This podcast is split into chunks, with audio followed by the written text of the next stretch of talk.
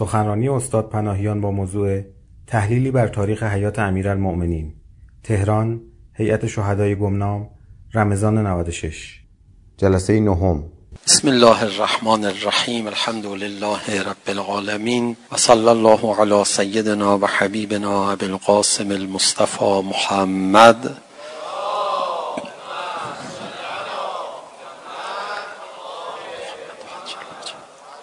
وآله الطيبين الطاهرين المعصومين لا سيما بقية الله في الأراضين روحي وأرواح الغالمين له الفداء واللعن الدائم على أعدائهم أجمعين إلى قيام يوم الدين رب اشرح لي صدري ويسر لي أمري واحلل عقدة من لساني يفقه قولي امیر المؤمنین علی علیه السلام محل اصلی ترین امتحان امت اسلامی قرار گرفت امت اسلامی هم یه گروه خاصی نیستن. در واقع جریان تکاملی حیات بشر رسیده به مردم مکه.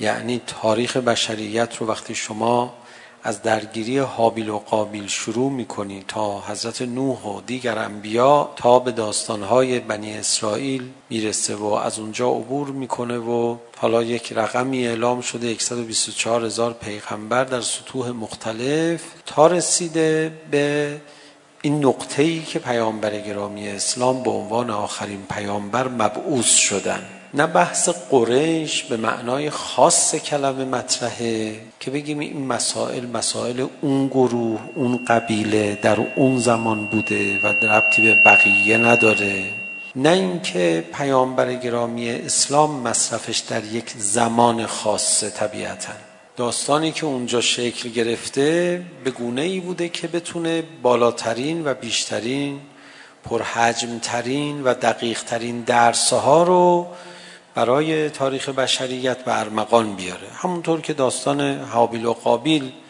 داستان تصادفی و یه مسئله شخصی خانوادگی استثنایی نبوده.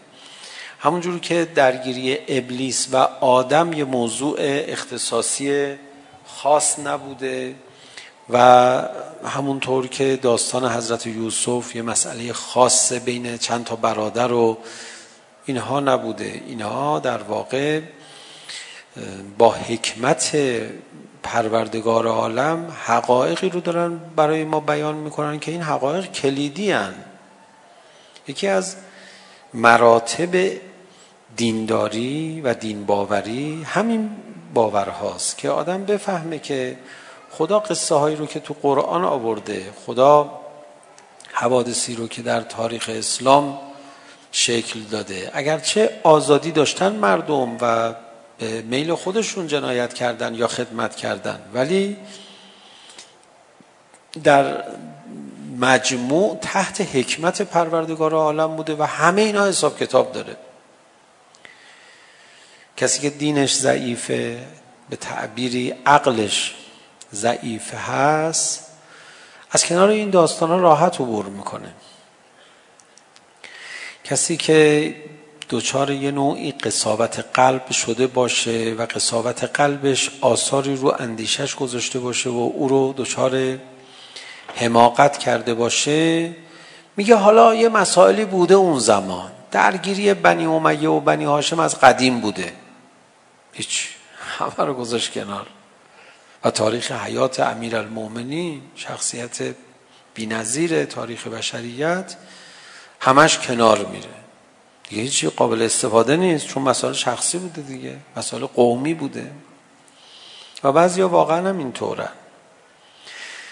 تو رشته های دانشگاهی ما و بعضی از اوقات هم در حوزه های علمیه به اندازه کافی بی به این حوادث بسیار مهم تاریخی صورت میگیره.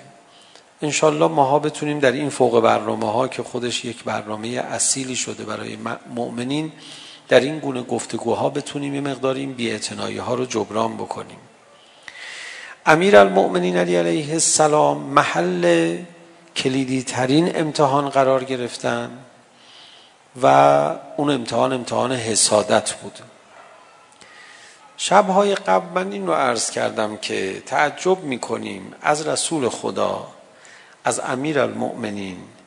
چرا مردمداری نمی کردن زیاد؟ چرا حتی زمینه تحریک افکار عمومی علیه خودشون رو رسما پدید می آوردن؟ چرا این کارو میکردن یعنی ما اگر بودیم با همین اندیشه هایی که امروز بینمون هست حتما پیشنهادهایی به رسول خدا میدادیم و میگفتیم که خب این روشش نیست. شما دارید یه جوری عمل میکنید که مردم با شما بد میشن. اگر شما میخواهید رأی جمع بکنید برای امیرالمومنین حامی جمع بکنید برای امیرالمومنین بهتر یک تعریف هایی که الان از حضرت میکنید نکنید. نمونه هاشو برای شما آوردم که چجوری موجب میشد کفر اونها در بیاد. به حد این اتفاق سریح می افتاد که انگار آدم اینجوری برداشت میکنه که حضرت میخواستن حتما غربال کنن یه عده‌ای بریزن. حضرت که خود رحمتا للعالمین بودن دوست داشتن همه رو دستشون رو بگیرن. خواهش میکنم تاریخ اسلام رو یکمی دقیق تر مرور کنیم. خب یه مقدار دیگه بریم جلوتر تو این بحث تاریخ. به اضافه آنچه که گفته شد در امتحانهایی که در موقعیت هایی که مردم قرار می گرفتن نسبت به حسادت یک موضوع دیگری هم مطرح شد به نام خشونت. حالا امیر المومنین علی علیه السلام کسی است که فرمود انا مدینه العلم و علیون بابها من مدینه شهر علمم و علی باب او هست. علی ابن ابی طالب علیه السلام کسی است که در اوج حکمت علی ابن ابی طالب علیه السلام کسی است که در اوج معنویت کسی مانند او گریه نمیکنه عبادت نداره. علی ابن ابی طالب علیه السلام در اوج محبوبیت میتونه باشه. دقیقا پیامبر گرامی اسلام حالا جدا از اون موضوع حسادت یه مأموریت هایی بهشون میدن که رسما خشنترین فرد تاریخ اسلام معرفی میشن. بنده برخی از مأموریت های پیامبر امیرالمؤمنین علی علیه السلام رو که این خشونت رو به حضرت نسبت میدادن به دلیل اون مأموریت ها حتما بین شما هم نمیگم. برید خودتون بخونید. تو کتاب های جدید هم پیدا نمی کنید کتاب های جدید هم خیلیشون حاضر نیستن اینا رو بنویسن. میگن یه وقت مردم میخونن بعد نظرشون نسبت به امیر المومنین بد میشه. اینکه قدیمی ها یه نقاشی از امیرالمومنین میکشیدن که یه شمشیر دستشون بود. بعد بعدهای عده اعتراض میکردن که آقا میخواید امیرالمومنین ما رو از چشم بندازید شمشیر دستش میدید. بعد بعضیا میگفتن که اصلا این نقشه مسیحیاست که میخواستن بیان ما رو خراب کنن و امیرالمومنین ما رو خراب کنن. اینجوری حضرت رو با شمشیر معرفی میکردن. این دعواها داوری کردن دربارش خیلی دشواره. مگه امیرالمومنین علی علیه السلام کسی جز این بوده. شما چرا میخواید یه برداشت تاریخی دیگه ای از حضرت به دیگران بدید؟ امیرالمومنین چرا اون همه فضائلشون اثرگذار نبود؟ سخنوریشون کم زیبا بود؟ مهربانیشون کم بود زهدشون کم بود. حالا معرفت و حکمت هم که عرض کردم. این زیبایی هایی که ایشون داشتن کم بود برای پرجاذبه شدن شخصیتش. جاذبه معنوی ایشون مگه کم بود؟ ولی خب یه مأموریت هایی پیدا می‌کردن که معاویه وقتی که میخواست علیه علی ابن ابی طالب تبلیغات بکنه میگفت اگر علی ابن ابی طالب خلیفه بشه و شام رو از دست ما بگیره قدرت مطلقه پیدا کنه ایشون عرب رو نابود خواهد کرد. یعنی تمام عرب رو ریشهکن خواهد کرد و قتل عام خواهد کرد. و مردم این حرف معاویه رو میپذیرفتن. به حدی که بیشتر از خود معاویه حریص شده بودن در جنگ با علی ابن ابی طالب علیه السلام. یه قصه ای رو دیشب برای شما گفتم دیگه. کسی به امیر المومنین علی علیه السلام کسی از اصحاب معاویه با اصحاب علی ابن ابی طالب بحث میکردن. دیشب یا پریشب عرض کردم. میگفتش که مردم شام الان بیشتر از معاویه اصرار دارن بجنگن با علی ابن ابی طالب. در حالی که در جبهه اون طرف علی ابن ابی طالب بیشتر از مردم کوفه اصرار داره که بجنگه با معاویه.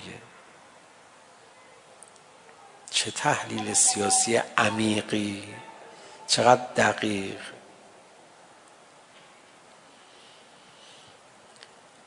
واقعا هم همینطور بود. اینو حرفی بود که حرف حقی بود که یکی از یاران معاویه زد.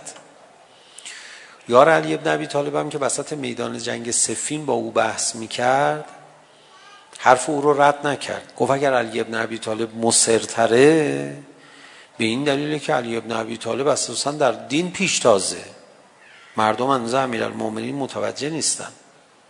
این نقصی بر جبهه علی ابن ابی طالب نیست. خود امیرالمومنین علی علیه السلام هم همین حرف رو قبول داشت. میفرمود. میفرمود چرا طرفداران معاویه برای باطلشون اونقدر اصرار دارن ولی طرفدارای من اصرار ندارن؟ خب یا علی ابن ابی طالب شما همه حرف راست و علیه معاویه نزدی؟ معاویه همه حرفای دروغ و علیه شما زده. خب یکی از اون حرف هایی که به علی ابن ابی طالب نسبت میدادن خشونت علی ابن ابی طالب بود. رسما پیش پیامبر گرامی اسلام از خشونت امیرالمومنین صحبت میکردن. حضرت میفرمود پیامبر گرامی اسلام سرشون داد میزد بعد میفرمود لا تشکو علیان شکایت نکنید از علی ابن ابی طالب. انه خشن فی ذات الله. او در راه خدا در اون جایی که امر کرده خدا با خشونت عمل میکنه. اون جایی که خدا بهش دستور داده با خشونت عمل بکنه تعارف نداره با کسی. اگر شما بدونید چه کسانی در ماجرای بعد از رحلت پیامبر گرامی اسلام علی ابن ابی طالب و تنها گذاشتن اگر بدونید چه کسانی لاعقل سکوت کردن ماجرا به نفع دیگران تموم بشه بره. کسانی که واقعا ازشون انتظار نمیرفت. معاذ ابن جبل سعد او چه شخصیتایی. اسامت ابن زید. همه همه. اسامه آخرین فرمانده لشکر پیامبر گرامی اسلام بود جوان سلحشوری بود که حضرت فرمود که اسامه خدا لعنت کنه هر کسی از جیش اسامه تمرد کنه و حرفشو گوش نکنه اینا چی شدن یه دفعه ای؟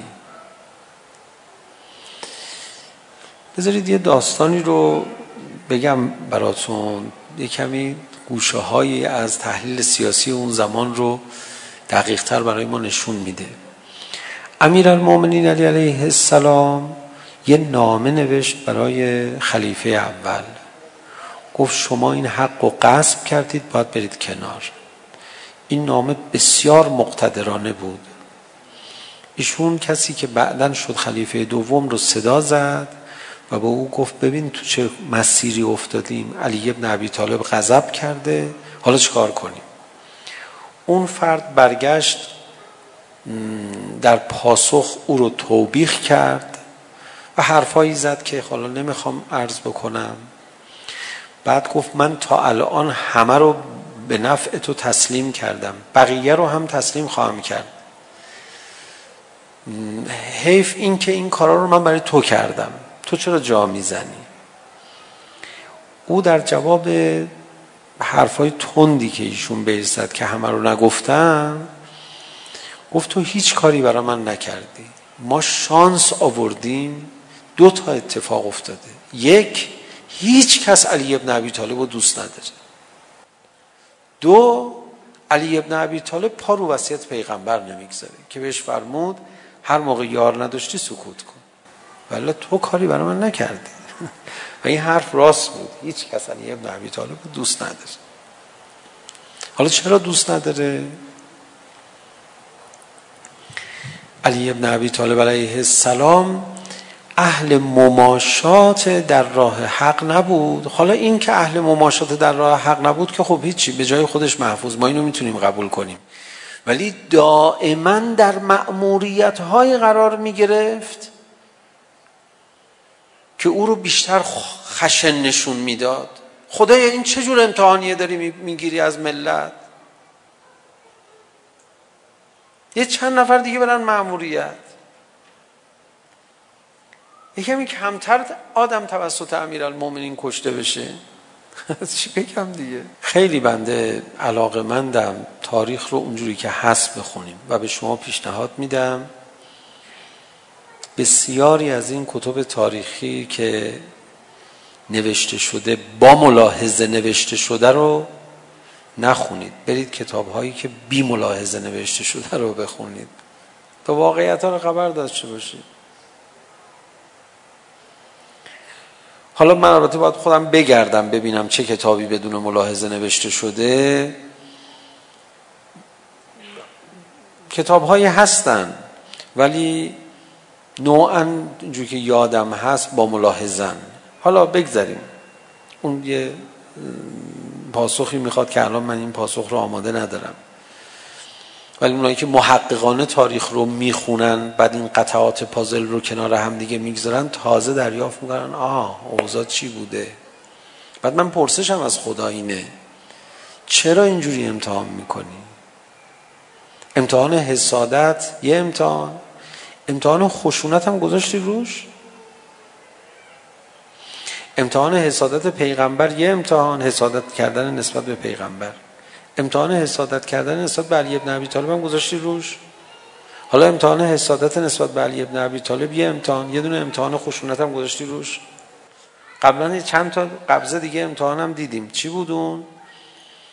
امتحان فامیلی علی ابن ابی طالب با پیامبرم گذاشتی روش؟ چون اونا قوم پرست بودن. بعد میدیدن ایشون قوم خودش رو طرفداری میکنه. خب کفرشون در می اومد دیگه. یا رسول الله ما شما یه دونه رو پذیرفتیم فراتر از اقوام و قوم گرایی و قبیله گرایی. ولی شما همش فامیلای خودت رو داری تحویل میگیری. راستم میگن همش فامیلای خودش رو تحویل میگیره امتحان وحشتناکی بود. هر کدوم از فامیلای پیغمبر شهید می شدن معمولا امتیازات ویژه می گرفتن جعفر تیار حمزه سید الشهدا حالا هی پیامبر بفرمایید بابا اینا فامیل منم نبودن آدمای ویژه‌ای بودن. آقا جون افکار عمومی حرفا رو قبول نمیکنه.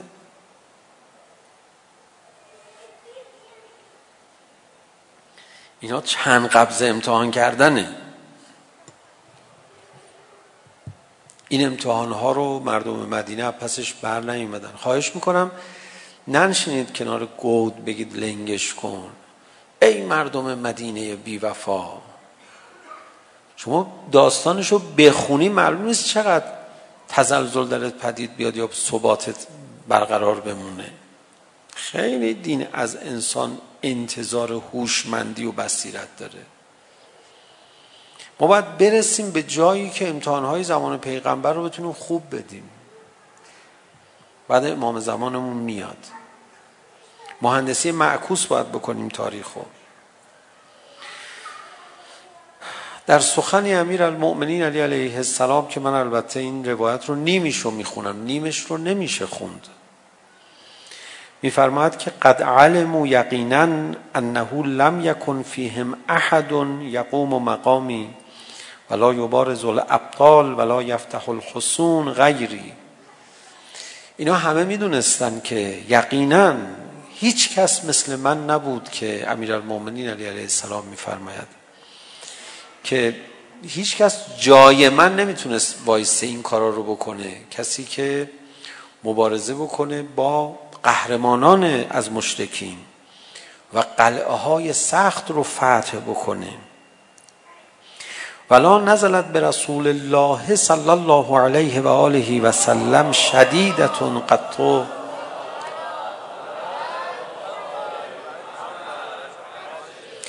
هیچ اتفاق ناگواری برای پیامبر گرامی اسلام نیفتاد. ولا نزلت به رسول الله شدیدتون قطو هیچ مشکلی برای پیغمبر پیش نیامد.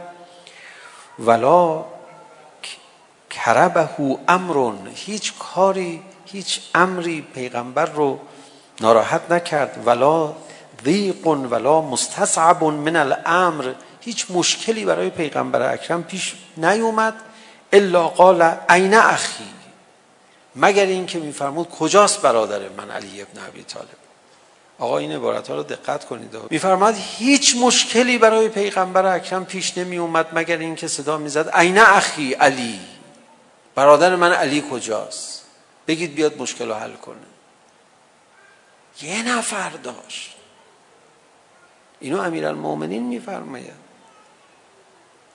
تو هر مشکلی اینو صدا میزد. علی کجاست؟ اون وقت امیرالمومنین میاد مشکلش رو حل میکرد. اگه میخواست پیغمبر اکرم منتظر بمونه اون امت به این رشد برسن. که کارهای علی ابن ابی طالب رو بکنن اصلا هیچ وقت تأسیس نمیشد اسلام. حالا عبارت ها رو ببینید. الا قال عین اخی علی؟ عین سیفی؟ کجاست شمشیر من؟ عین رمحی؟ کجاست نیزه من؟ عین المفرج و غمی عن وجهی؟ کجاست کسی که غم رو از چهره من برطرف میکنه؟ فیقدمونی بعد من که می اومدم پیشش منو میفرستاد جلو. فاتقدم فافتیه به نفسی. من میرفتم جلو و نفسم رو جانم رو فدای او میکردم. وقت به این جمله حضرت حضرت زهرا سلام الله علیها اشاره میکنن. میفرمان میدونید به خاطر چی کینه دارن از علی ابن ابی طالب؟ به خاطر دو چیز. لنکیر سیفهی به خاطر تیزی شمشیر حضرت و قلت مبالاتهی لحتفهی چون علی وقتی میخواست مأموریتی برای پیغمبر انجام بده جان خودشو ملاحظه نمیکرد. برای این ازش تنفر دارن. ملاحظه جون خودشو نمیکرد. بقیه یه ملاحظه میکردن. فاتقدم و فافتیه به نفسی. من خودم رو جلو مینداختم و جان خودم رو فدا میکردم. و یکشف الله به یدی الکرب ان وجهه. خدا به دست من قصه رو از صورت پیغمبر برطرف میکرد. بعد البته میفرماید که این البته منت خدا و رسولش بود که من توفیق چنین کاری پیدا میکردم. بعد میفرمودن که دیگه بقیه روایت و کاری ندارم که میفرماید اون کسانی که حالا الان مدعی من شدن کسانی هستند که توی هیچ جنگی نبود توی هیچ سختی نبود مگر اینکه فرار میکردن بعد قصه امر ابن عبدود رو مثال زدن که وقتی امر ابن عبدود یکی از اینا رو صدا زد او انقدر ترسید و رنگ ازش پرید که رسول خدا خندش گرفت وقتی وضع او رو دید. که چه خبرته؟ بعد فرمود که رسول خدا منو صدا زد. حالا الی آخر. این امتحان رو برای چی گرفتن؟ پاسخ این سوال رو بدم. اولا همین رو شما بشنوید. اصول عقایدی که شما خوندید امام اول علی. اصول عقایدی که شما دارید برای قدیر. اصول عقایدی که دارید برای اعتقاد به وسایت پیامبر و امامت ائمه هدا. به درد اینجا میخوره. حالا من جزئیات خشونت امیرالمومنین رو برای شما تعریف بکنم که هیچ وقت نمی‌کنم. شما بر اساس اصول عقاید یه تحلیل می‌کنی میگی خب حتما لازم بود. حتما اونا خیلی رزل بودن. حتما جز این نمی‌شده کار پیش بره. ولی اگر کسی نخواد از زاویه اصول عقاید وارد بشه از زاویه مسائل اجتماعی وارد بشه. به جای اینکه بگه حتما لازم بوده میفهمه چرا لازم بوده.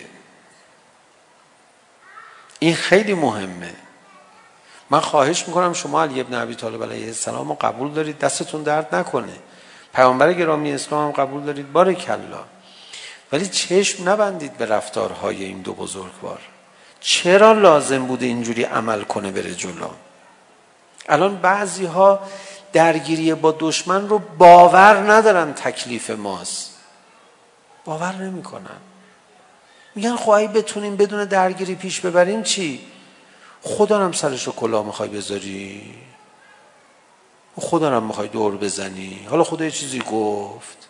خدا نمیتونست مگه با فوت ما دشمنان رو نابود بکنه. من نمیتونست او چهار تا قل هو الله بخون فوت کن بره نابود بشه دینداریتون رو بکنی. من نمیتونست این کارو بکنه. مگه خدا نمیتونست دشمنای ما رو بدبخت و بیچاره و فقیر و حقیر و ذلیل درست بکنه که ما هر روز صبح بلند شیم به دشمنانمون یه صدقه بدیم ما این بدبخت گشنگی نمیره بیا بخور بیا برو. مگه نمیتونست خدا این کارو بکنه؟ پس مفهوم جهاد چی میشه؟ چرا بعضیا سعی دارن سر خدا رو کلا بذارن؟ چرا بعضیا طراحی خدا رو جدی نمیگیرن؟ اینا اگه به تاریخ برسن میگن اصلا یا رسول الله خب یک گفتگو میکردی همش میجنگی شما. بعد علی ابن ابی طالب هم شما دیگه حالا ایشون ازش استفاده نکن یه چهره بهتر بفرست. که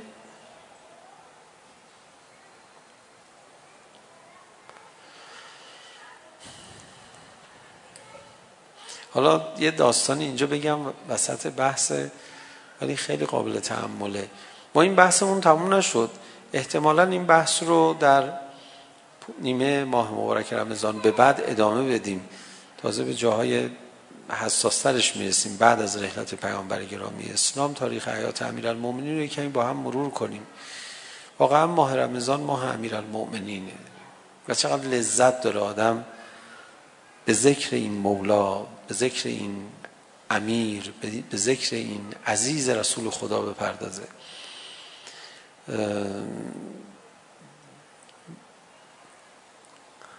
در ماجرای سوره توبه که سوره توبه باید به مردم مکه خوانده میشد. کس دیگر رو رسول خدا فرستاده بود وسط را برگردون فرمود علی جان خودت باید بری. حالا مردم مکه کیا هستن؟ اینا کسانی هستن که الان در موقع موضع ضعف قرار گرفتن. یه چند وقت دیگه هم اسلام میخواد به اونا حمله کنه جبهه اسلام و اونا میخوان تسلیم بشن. الان علی ابن ابی طالب میاد کنار خانه کعبه تندترین سوره قرآن رو برای اونا میخونه. اینا چه ذهنیتی از علی ابن ابی طالب پیدا میکنن؟ یکی از اونا ابو سفیانه یکی از اونا خالد ابن ولیده. که قهرمانشونه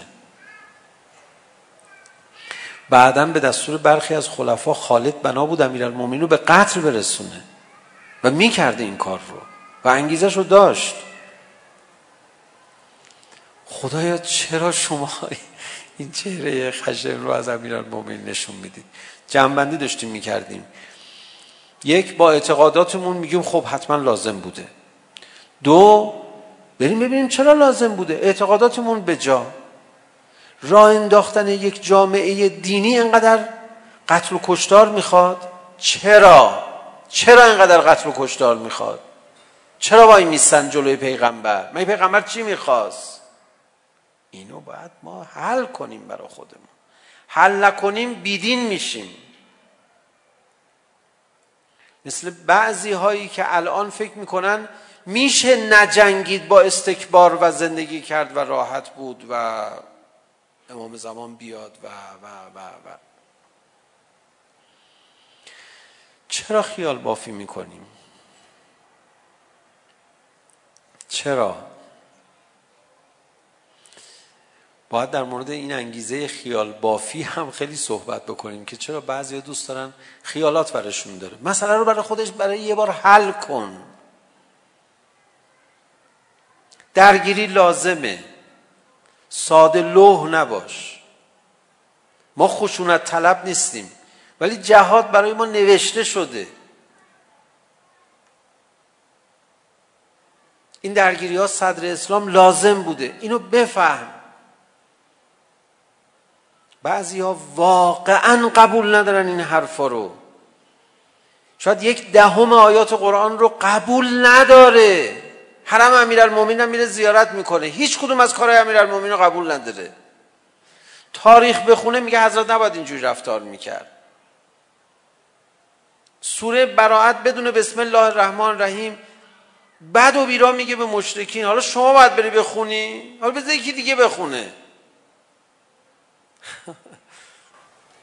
تو رو خدا اینا رو از کنارش صادرت نشین من مثل که خیلی این کلمه رو هی تکرار میکنم پاسخ دیگری که به این سوال باید داد اینه که چرا چرا این شرایط این امتحان خشونت رو اون امتحان حسادت تلمبار شده و کار رو شدیدتر کرده علیه علی ابن عبی طالب تو مردم مردم باید عمیق بشن. مردم اگه بخوان سطحی نگر باشن نمیتونن مسلمون باقی بمونن. اگر مردم عمیق نباشند تحلیل های عمیق رو هم از علت اینکه این خشونت لازمه و امیرالمومنین باید این خشونت رو اعمال میکرد رو نمیتونن بفهمن.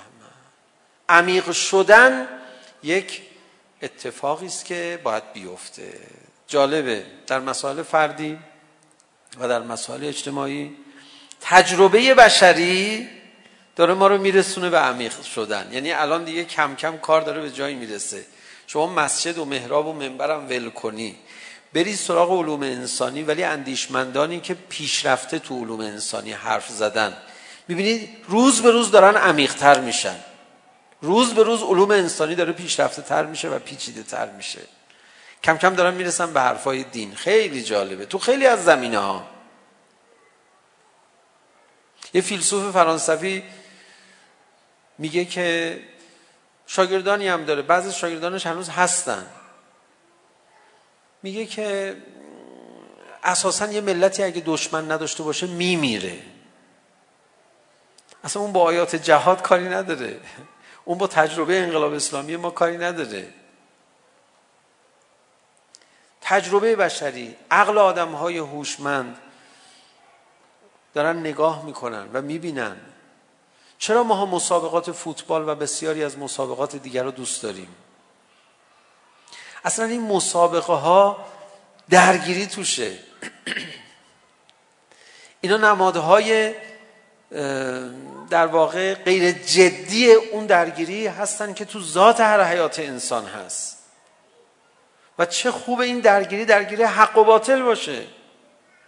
درگیری نه باطل و باطل. هم درگیری باطل و باطل داریم. خدا تو قرآن میفرماد درگیری حق و باطل نباشه. شما فکر نکنید درگیری نیست درگیری باطل با باطل هست.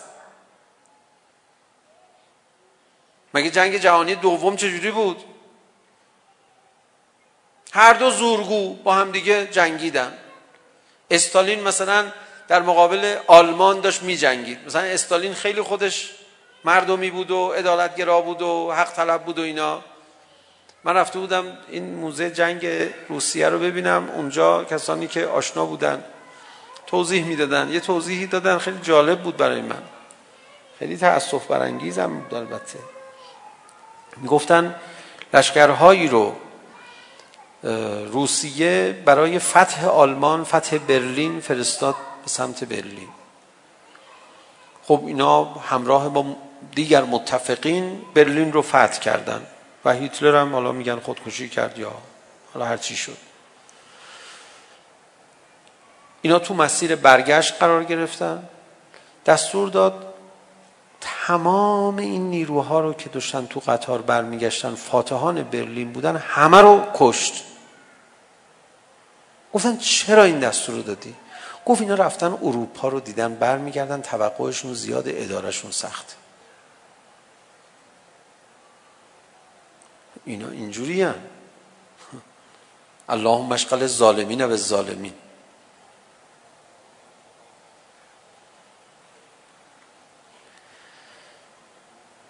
درگیری تو ذات حیات بشر هست. نباید ترسید از درگیری. باید رفت درگیری رو به خوبی یه بار برای همیشه این درگیری رو برگزار کرد. نذاشتن رسول خدا یه بار برای همیشه این درگیری رو برقرار کنه. نذاشتن امیرالمومنین علی علیه السلام این درگیری رو یه بار برای همیشه تمام بکنه. ان امام زمان ارواح الله الفدا میاد و این درگیری رو یه بار برای همیشه تموم میکنه. دیگه برای درگیر شدن با باطل امام زمان ما هیچ مشکلی نداره. میره جلو وای میسه. یارانش هم میفهمن. ببینید این گفتگویی که ما اینجا داریم یاران حضرت ولی عصر تماما عمیقا میفهمن. به همین دلیل تبعیت میکنن. نه اینکه خیلی مقلدن و خیلی نمیفهمن و هرچی میگی بگی چشم و رباتن و نه اینجوری نیست. میفهمه. نفهمه میبره. کما اینکه بعضی ها میبرن میگن این آقا خشونت داره این آقا پسر پیغمبر نیست رحم تو دلش نیست. یه چشمه از جنگ های امام زمان ارواح الله الفدا رو بگم که برای هیچ کی مشکلی پیش نمیاد. با قرآن میان جلوی امام زمان میستن حضرت امام صادق علیه السلام میفرماد. حضرت بعد از نصیحت کردن هر چی نصیحتشون میکنه درست نمیشن دستور قتل عام اونا رو میدن. همه قرآن به سینه گرفتن دارن قتل عام میشن. اصحاب حضرت خم میشن قرآنا رو از بغل اینا در بیارن بیرون نجس نشه به خونه اینا. حضرت فرمود قرآناشون هم بگذارید بمونه با خودشون. با همین قرآن محشور بشن قرآن علیهشون قضاوت کنه.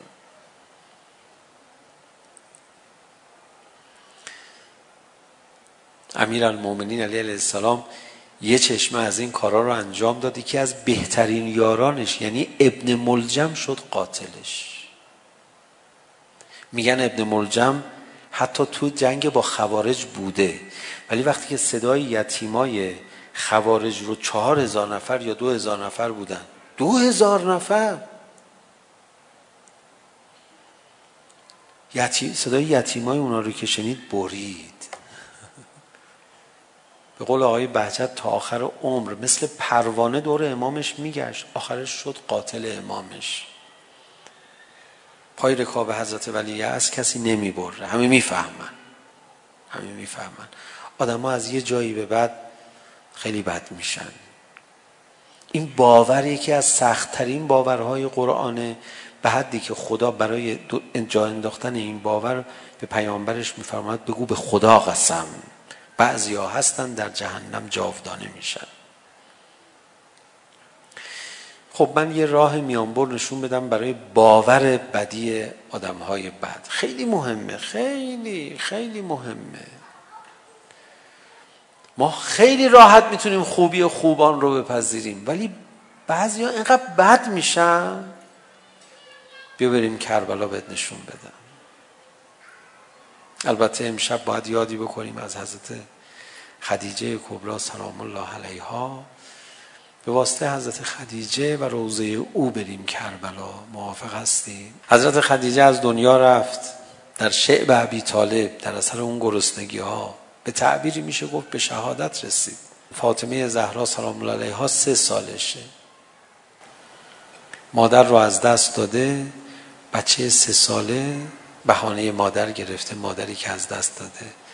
دور رسول خدا میگشت میگفت عین امی عین امی مادرم کجاست؟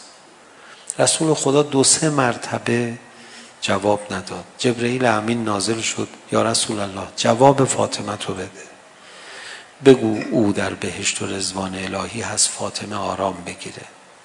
بعد رسول خدا فاطمه شو بغل کرد. توضیح داد عزیز دلم الان مادرت حضرت خدیجه در بهشت و رزوان الهی متنعمن خدا به او لطف داره او در جای خوبی قرار داره ولی او تو دیگه نمیتونی او رو ببینی. بعد فاطمه زهرا سلام الله علیها توصیف بهشت رو برای مادرش شنید. آرام شد صدا زد بابا. قبول کردم. قبول کردم دیگه مادرم رو نبینه میخواید بدی آدم های بد رو ببینید. بیاید بریم گوشه خرابه. ببینید یه سه ساله هم اونجا داره بهانه بابا میگیره. چیزی نگفت بچه. گفتم بابامو میخوام. خیلی طبیعیه بچه سه ساله بهانه بابا بگیره. او هر دقیقه باید بگه من بابامو میخوام. چه دختر فهیمی بوده نگفته تا اینجا؟ چرا؟ چون نقلی نیست که جاهای دیگه خرابه زیاد نشستن این بچه ها اینجوری شیون افتاده باشن و بهانه کرده باشه این بچه. نوشتن تا شروع کرد گفت من بابامو میخوام گریه کرد. همه اهل خرابه شروع کردن به گریه کردن. انگار دنبال یه بهانه میگشتن که بغضشون رو خالی کنن و اشک بریزن. معلوم میشه تا اونجا نگفته بود. فکر کنم دیگه تاوله ها خیلی اثر گذاشته بود تازیانه ها خیلی اثر گذاشته بود. فکر کنم از همه تازیانه ها بدتر این زخم زبان های مردم شام که از کنار خرابه با بچه هاشون رد می شدن دست بچه ها دست بابا ها بود. شماتت می کردن این دل حضرت رقیه رو شرح شرحه کرده بود در فراغ پدر. من بابا رو میخوام. چیزی نگفته بود. نامرد ملعون. کاش میگفت برید خرابه انقدر کتک بزنید اینا رو تا ساکت بشه. باور کنید. چون امام زمان العابدین میفرماد اینا روششون از کربلا راه افتادیم همین بود. هر بچه‌ای گریه میکرد با چوب نیزه به سرش میکوبیدن. یه دفعه نامرد برگشت گفت سر بریده باباشو ببرید براش.